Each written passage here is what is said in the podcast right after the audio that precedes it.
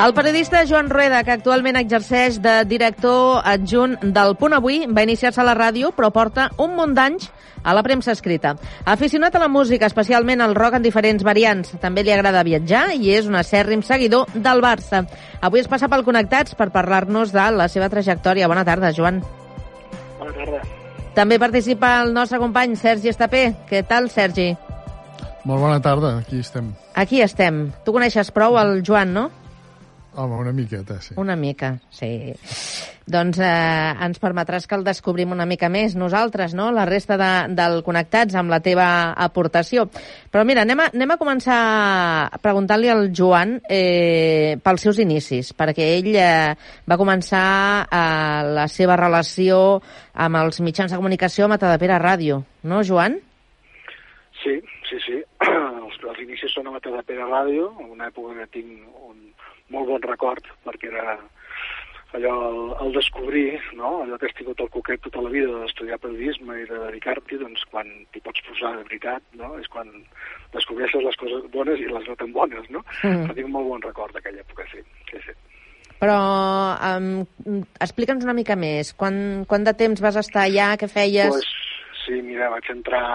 Va ser, va ser a finals, bueno, al final de l'any 91, i de fet eh, estava a Matadepé de Ràdio, bueno, de fet jo hi havia col·laborat des d'una miqueta abans, no? Però aquella va ser una època una mica complicada, una mica convulsa, perquè va haver-hi, bueno, canvis en la, la direcció, el Matadepé Ràdio és una municipal i en aquella mm. època doncs, va haver-hi va haver canvis vinculats a, acabar, acabaven de passar les eleccions municipals i bueno, em va tocar, bueno, van triar per, a part de col·laborar amb ells, diguéssim, sinó per, bueno, una miqueta gestionar amb un consell assessor que hi havia, no? que hi havia bueno, gent que en aquests moments és prou coneguda del món audiovisual, com en Pere Mas o en Tian Riba, sí. doncs amb una sèrie de gent, diguéssim, vam, bueno, vam fer un procés per resituar l'emissora i, bueno, i poder que pogués continuar en un moment en què hi havia un cert risc, fins i tot de tancament, perquè bueno, l'Ajuntament no estava content de com estava funcionant, i bueno, més o menys, bueno, jo crec que ens en vam sortir, perquè ara els companys estan fent molt bona feina allà.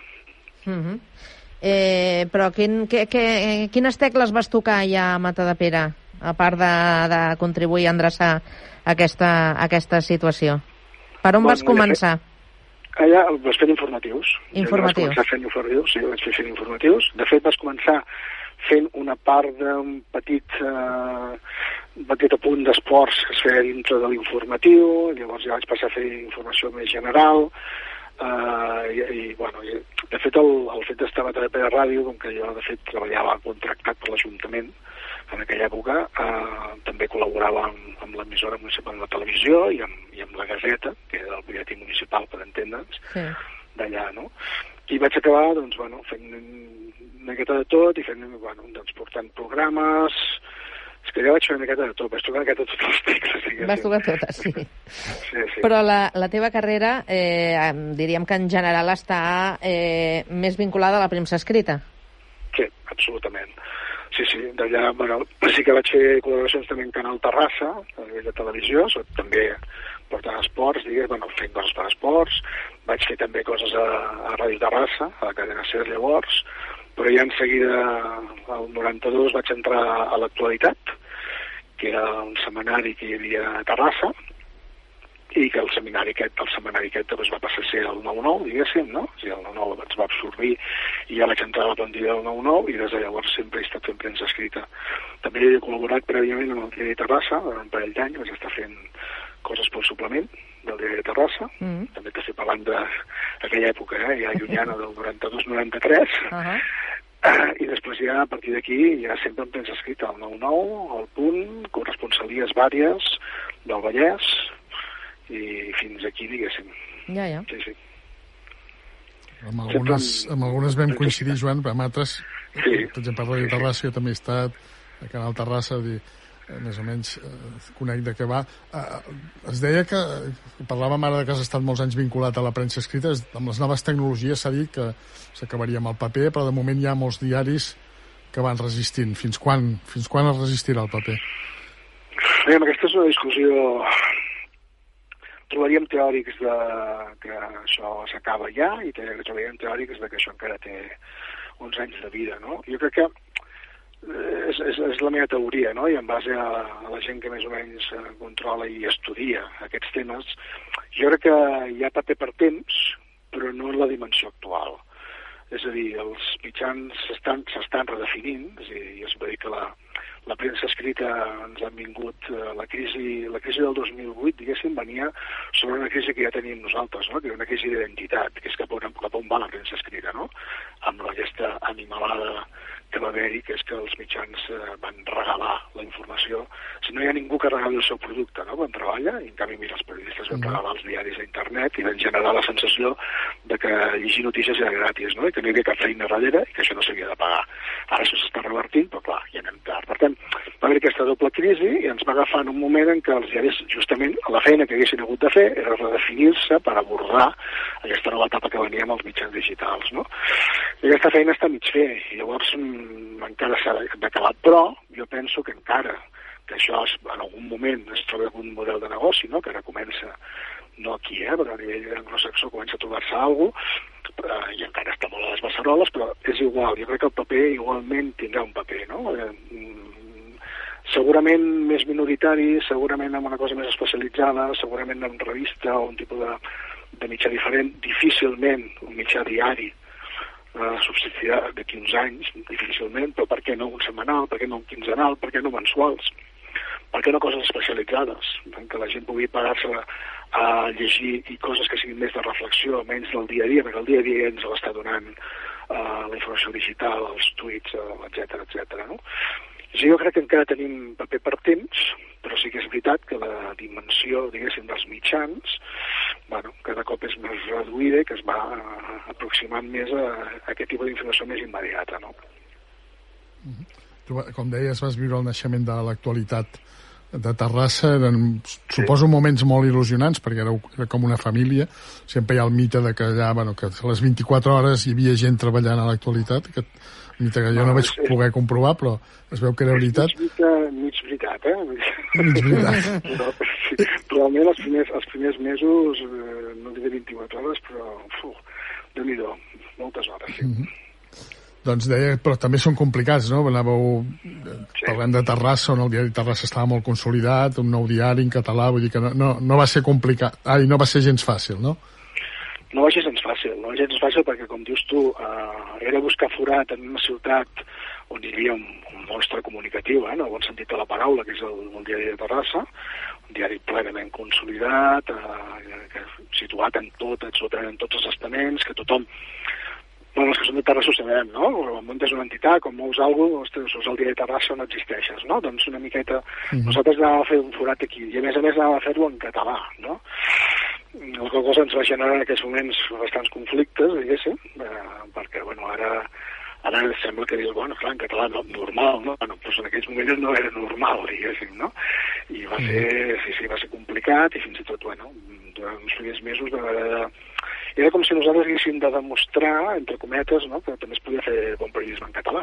Eh? No? La cosa que ara és absolutament lògica i normal, però clar, en aquell moment eh, hi havia, i bueno, jo ara hi treballo amb un, no? que és el punt, el punt avui, que és la veu del punt, hi havia mitjans de comunicació comarcals que estaven fent una feinada immensa en el nostre país, no? el 9-9, el punt, el Regió 7, etc però a nivell metropolità això costava d'entendre, no? I realment va costar, i fins i tot li va costar al propi Ajuntament, que durant uns mesos ens va tenir a pan i aigua, diguéssim, perquè no sabíem ben bé d'on sortien aquests, no? Era una cosa que són aquests, d'on venen, no? I així...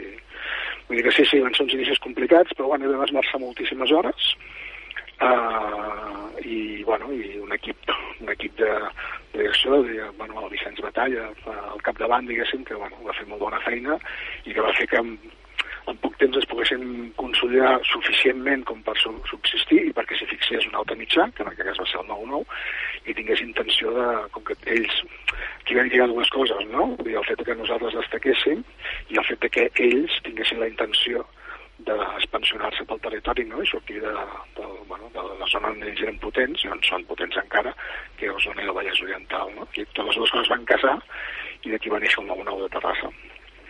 Mm -hmm. Parlaves abans de que doncs, Pere Mas, Tian Riba, també altres noms com Xavi Coral, Joan Dalmau, sí, podríem sí, sí, seguir, no?, de, de, de, de periodistes que després han doncs, han sigut més mediàtics.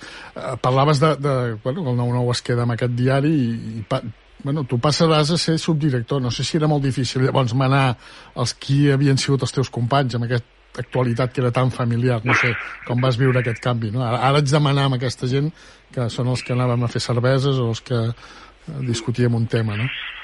Sí, no, aviam, la veritat és que eh, jo crec que vam, vam saber diferenciar...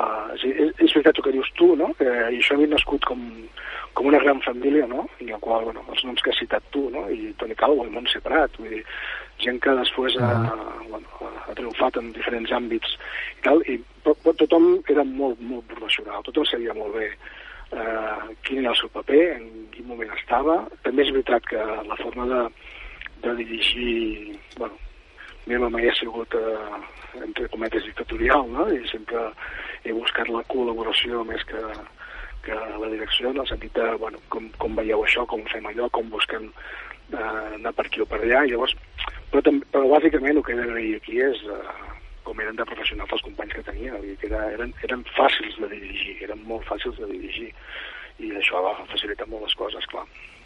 Ens hem deixat l'Àngel Càrceles, eh, que si m'escolta...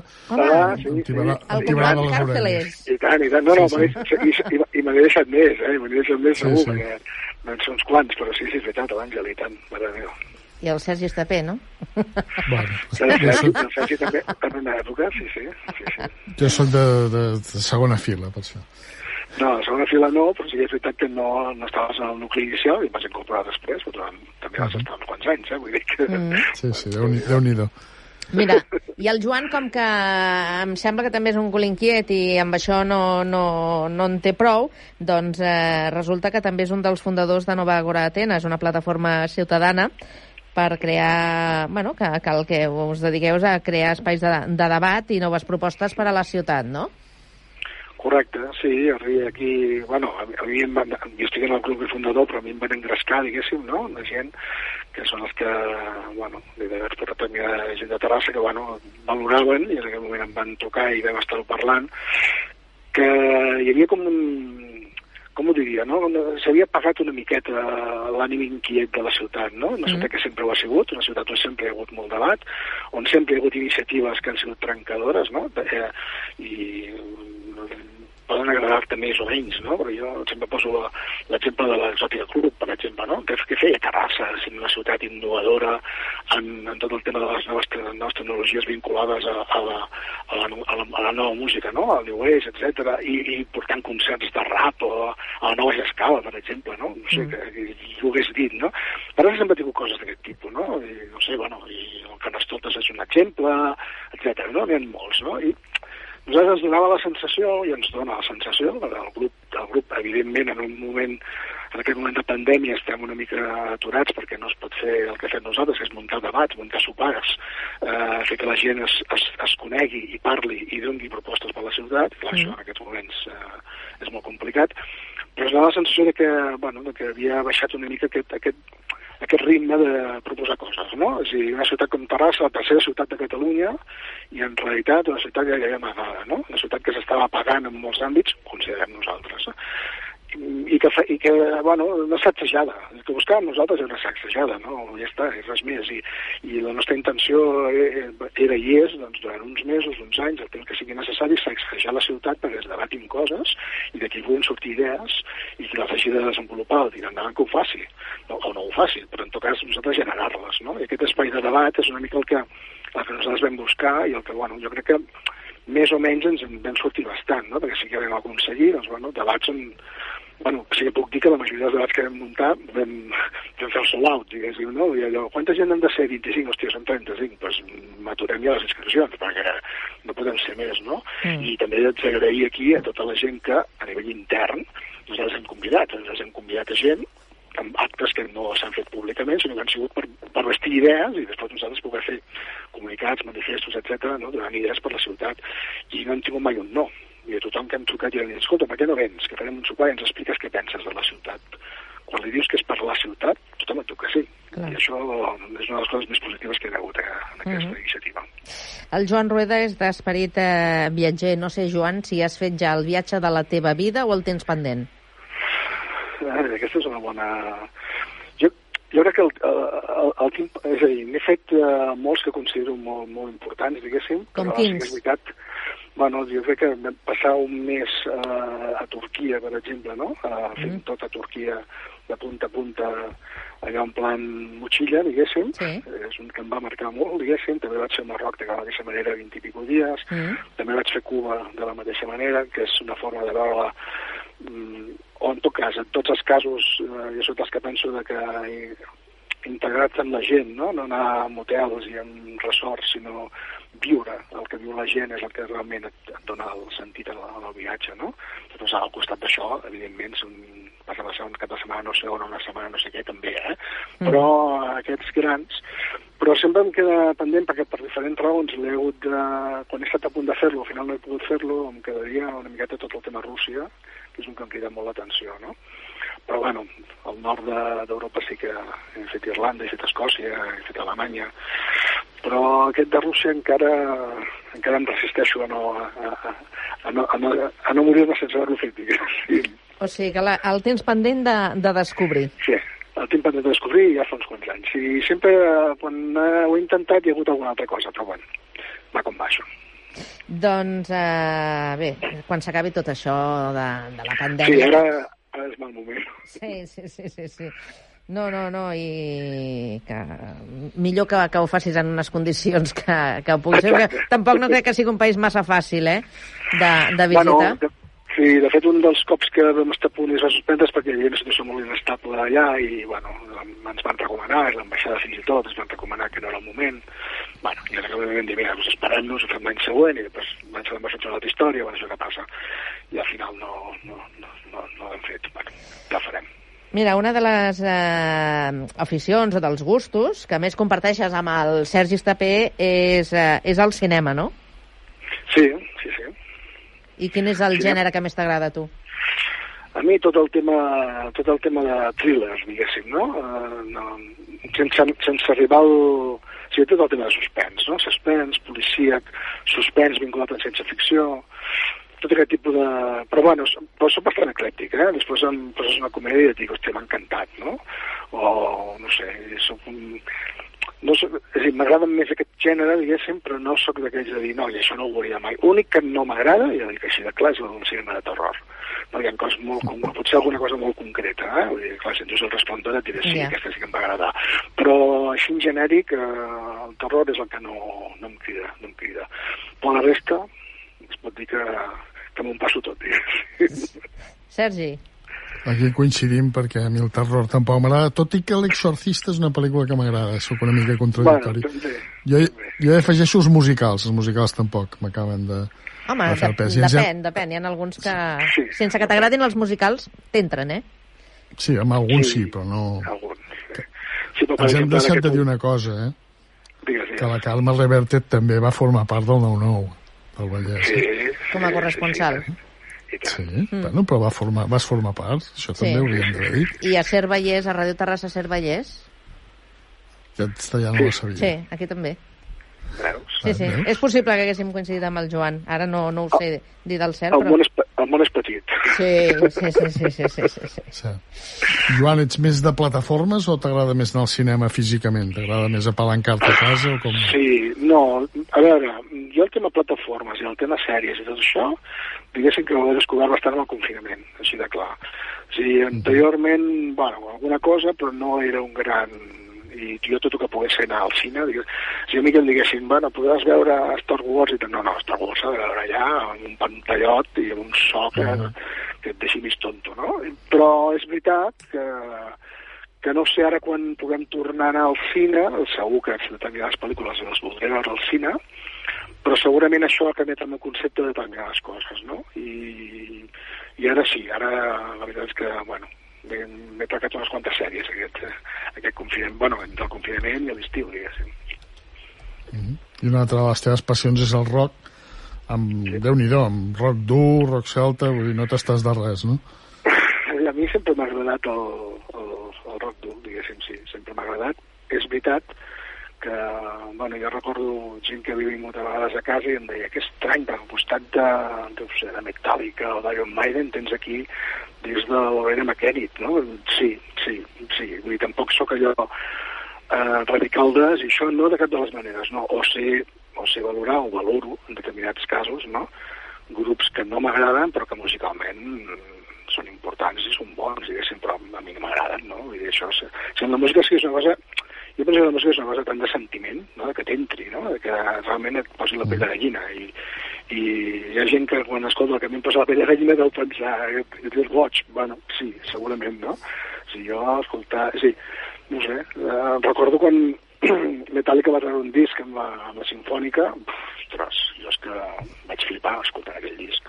No, bueno, sí, Vull dir que no, no, no, el rock dur, però bueno, tampoc no, no, no dic que no a determinades coses, no? Vull dir, però sí, rock dur i ara des de fa uns anys bastant vinculat cap al rock eh, dur celta, punk celta, no? descobrir els, els Morphis o els Ranjacs o grups d'aquests, hòstia, ha sigut una cosa en l'evolució musical, entre cometes, una cosa important, sí, sí. Tot el que sigui rock, d'aquest tipus m'agrada, però bueno, jo què sé, jo fins l'últim concert, l'últim que va venir no, però cada any que, o cada cop que venia l'Springsteen jo anava a veure'l, ni som ni estiguéssim, mm. jo anava a veure'l. És veritat que l'últim cop no recordo exactament el preu, però vaig pensar que era un animal el preu que demanaven i no vaig anar-hi. Però, bueno, anteriorment tots, sí, sí. Però sempre també ets... contundent, sí. diguéssim.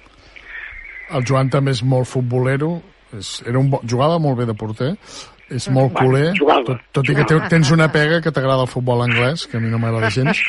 Sí, tinc aquesta pega i, i continua agradant-me. Eh? jo és que sóc anti. Uh, i, i, inclús veu voler formar una penya, no?, del Barça, però no, al final no veu poder... Em sembla que us van posar una mica de pegues, no? De fet, vam fundar, de, de fet, vam fundar una penya i van passar aquestes coses que no acabes d'entendre, que la burocràcia si a Terrassa, com molta gent deu saber, eh, hi ha una penya, una gran penya, no? la de 1900, però a Terrassa va haver un moment en què hi havia moltes penyes del Barça, però totes estaven inactives. Llavors nosaltres vam crear una penya i el club ens va dir que no podia ser, a Terrassa, si no recordo malament, hauria de buscar la carta, eh? Pensava, ens van dir que érem la sisena penya que es fundava a Terrassa, i, i nosaltres, nosaltres els vam dir és que no és veritat, perquè de fet dos dels que havien sigut presidents d'algunes d'aquestes penyes que estan dissoltes i no funcionen, eh, estaran nosaltres i ens donen suport. I per tant seríem la segona penya. Però no va haver-hi manera. No, no ho vam aconseguir, això que ens van citar. Hi havia l'amic Joan, no?, de president, em sembla? Hi havia l'amic Joan sí. i ens va arribar que havia sigut una cosa bastant directa. Sí, sí, havia sigut una cosa bastant directa d'ell perquè no volia que Terrassa hagués més d'una penya, quan en aquell moment n'hi havia cinc del Madrid, que també té nassos. Mm i ens sí, sí. i no ens van deixar fer la segona del Barça. Perquè és veritat, eh, també, també tenien raó una cosa, i és que eh, gent que havia dissolt la penya no l'havia donat a baixa. Això és cert. Llavors, Havíeu complert la quota ja. Clar, te hi una sèrie... Si tu miraves el llistat et sortien un número de penyes, però després mm. anaves a buscar aquella penya, aquella penya no existia. No feia activitat, en aquella seu no hi havia aquest penya, etc, etc, i en dos casos, fins i tot la, els responsables de la penya van signar un document conforme nosaltres érem la conjugació entre cometes, vull dir que ells no existien. Però no va haver-hi manera. I al final, no, al final canses de lluitar, diguéssim, clar, ens, ja havíem d'anar presentant contencions contra els estatuts del club i no sé quantes tonteries més van dir deixem estar. És que no, no, no, no, no Us van això, treure les ganes. Exacte, no és això, no és això. I de fet ja havíem fet fins i tot un parell de viatges. Havíem utilitzat un autocar a Vitoria per un Alavés Barça, i havíem anat al camp del Barça a l'amistosa entre Brasil i Catalunya, i havíem fet coses, o sigui, ens havíem presentat, i l'Ajuntament sí que ens havia acceptat com a entitat, mm. però el Barça no va fer-ho, i al final ens vam cansar i ho vam deixar estar. Doncs escolta, com que l'entrevista també té un final i, i arribem ja, eh, ho fem amb un tema musical que has triat tu per tancar precisament aquesta conversa. Eh, Digue'ns quin és el tema i per quin motiu l'has triat. El tema és Gorerria, que és un, una cançó de Neu Gorriac, però que aquesta que he triat jo és una gira que van fer Neu Gorriac i Manu Chao, per, bàsicament per Sud-amèrica, però també per, alguna, per Europa, però bàsicament per Sud-amèrica, l'any 91.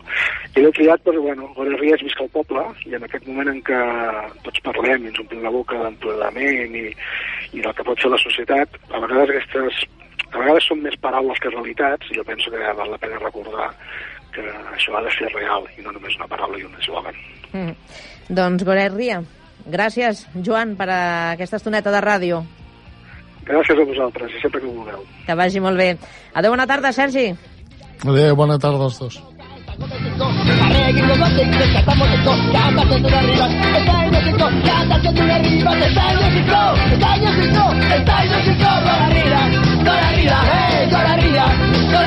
Viva